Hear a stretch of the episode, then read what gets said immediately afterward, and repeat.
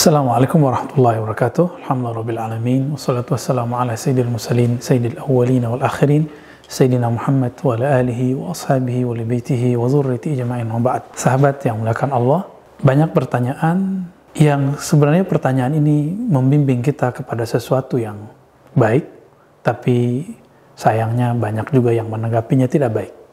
Apakah ada keturunan Rasulullah atau sering kita sebut dengan zuriat? Zuriat berarti uh, yang ditinggalkan atau yang yang menjadi keturunannya Sayyidina Nabi Sallallahu Alaihi Wasallam. Setelah kita meneliti banyak hadis-hadis Nabi, ternyata dalam hadis Imam Abu Nuaim dengan kualitas yang hasan, Nabi memberikan garansi. Hadis ini didoifkan oleh orang yang tidak mencintai zuriat Nabi atau tidak mempercayai zuriat Nabi, dia akan berusaha mendoifkan hadis ini. Padahal hadis ini kualitasnya minimal, hasan li ghairihi hasan karena ada yang menguatkannya. Bahkan bagi sebagian masyaikh kita dianggap uh, sahih li. Apa itu Nabi SAW bersabda? Kullu nasabin inqata'a illa nasabi. Semua nasab, semua keturunan akan terputus sejarahnya, akan terputus keterangannya, akan terputus keberlanjutannya kecuali nasabi. Nasabnya Nabi Muhammad sallallahu alaihi wasallam. Ini penjelasan eksplisit dari Nabi. Lalu bagaimana dengan hadis yang lebih sahih? Ternyata dalam satu khutbah yang panjang, Nabi Shallallahu Alaihi Wasallam pernah mengatakan satu kalam setelah beliau bertahmid, memuji Allah SWT lalu mengatakan, Inni tarikun fikum sakalain.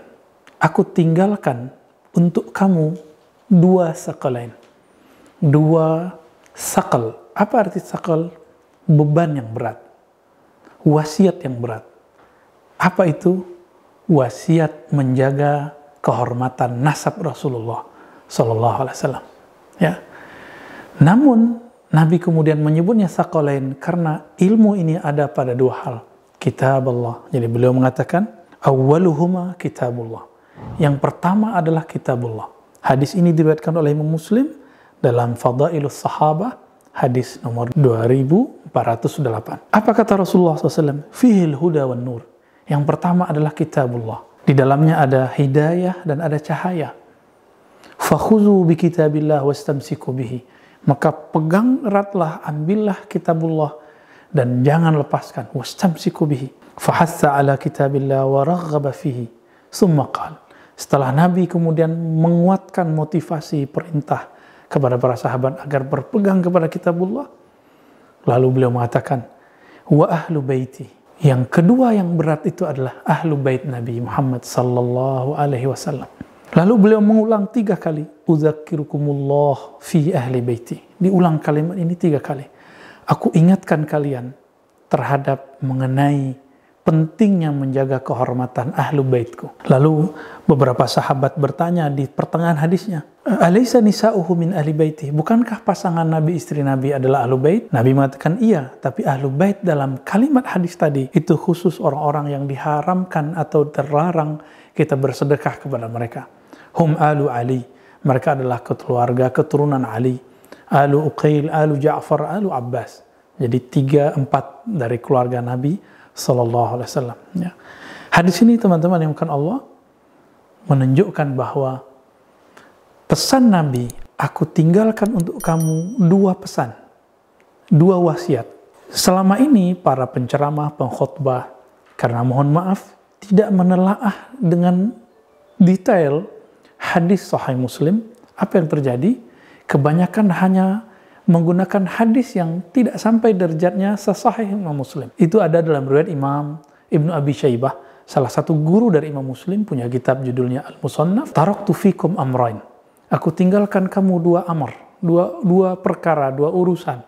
Kitab Allah wa sunnata Rasulillah. Uh, kitab Allah dan sunnah Rasul. Hadis ini secara zahir berbeda tapi tidak bertentangan. Kenapa? Karena sunnah Rasulullah itu dijaga baik-baik zahir dan batinnya oleh zuriat Nabi sallallahu alaihi wasallam. Hadis ini tidak ada kaitannya dengan Rafidah para pembenci sahabat, tapi hadis ini pasti ditentang oleh nasibah kelompok pembenci keluarga Nabi sallallahu alaihi wasallam. Ajaran ahli sunnah itu mengajarkan cinta kepada keluarga Nabi dan mencintai sahabat-sahabat Nabi. Sedangkan ajar Rafidah, kelompok Syiah Rafidah, tidak semua Syiah Rafidah, ada Syiah Zaidiyah. Syiah Rafidah, mereka membenci selain daripada orang-orang yang tergabung kepada keluarga Nabi. Maka mereka membenci Abu Bakar, Umar, Utsman. Bahkan mereka membenci sosok perempuan suci yang mana Rasulullah meninggal di pangkuannya. Sayyidah Aisyah. Maka kita pastikan orang ini Rafidah. Rafid artinya membuang, mencaci maki keluarga atau uh, sahabat Rasulullah SAW. Adapun orang yang membenci Orang-orang yang dekat kepada Nabi dari kalangan nasabnya disebut dengan nasibah. Ini perkara kedua. Ada persoalan yang ketiga.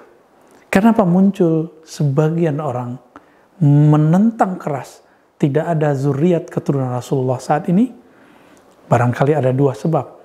Pertama karena ketidaktahuan terhadap ilmu nasab atau ketidaktahuan terhadap hadis ini. Hadis ini teman-teman ini diperkuat nanti penjelasannya dalam hadis Imam Abu Daud dan Tirmizi.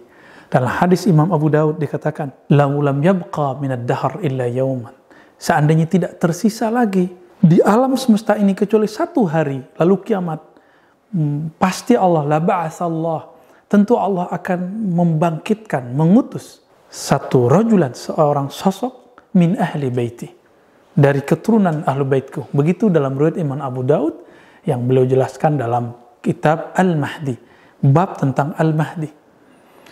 Maka ada kecurigaan kedua, tapi ini menjadi fakta. Orang-orang yang membenci atau tidak percaya kepada zuriat Nabi Shallallahu Alaihi Wasallam, jika tadi karena ketidaktahuan, semoga Allah memaafkan.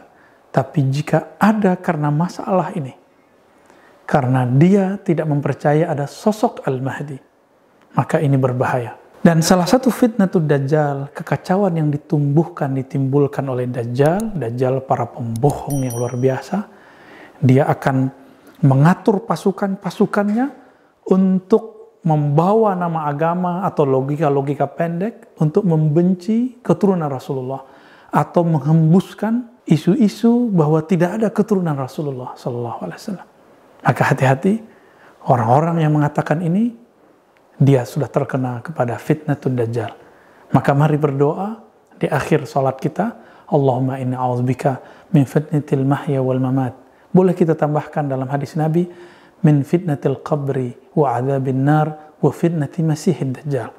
Di ujung itu Nabi mengajarkan, ya Allah lindungi aku dari kekacauan yang disebabkan oleh dajjal. Apa salah satunya? Membenci zuriat Rasulullah nanti akan berakibat. Jika muncul Imam Mahdi maka semua orang akan mengatakan oh itu pembohong karena zuriat Rasulullah sudah tidak ada. Hati-hati jika zaman itu datang semoga kita selamat oleh Allah Subhanahu wa taala diselamatkan akidah kita diselamatkan teman-teman kita keluarga kita orang Islam yang percaya kepada Allah percaya kepada Rasulullah dan percaya kepada perjanji Rasulullah kemunculan cucunya keturunannya Al-Imam Al-Mahdi semoga kita dijaga oleh Allah. Wassalamualaikum warahmatullahi wabarakatuh.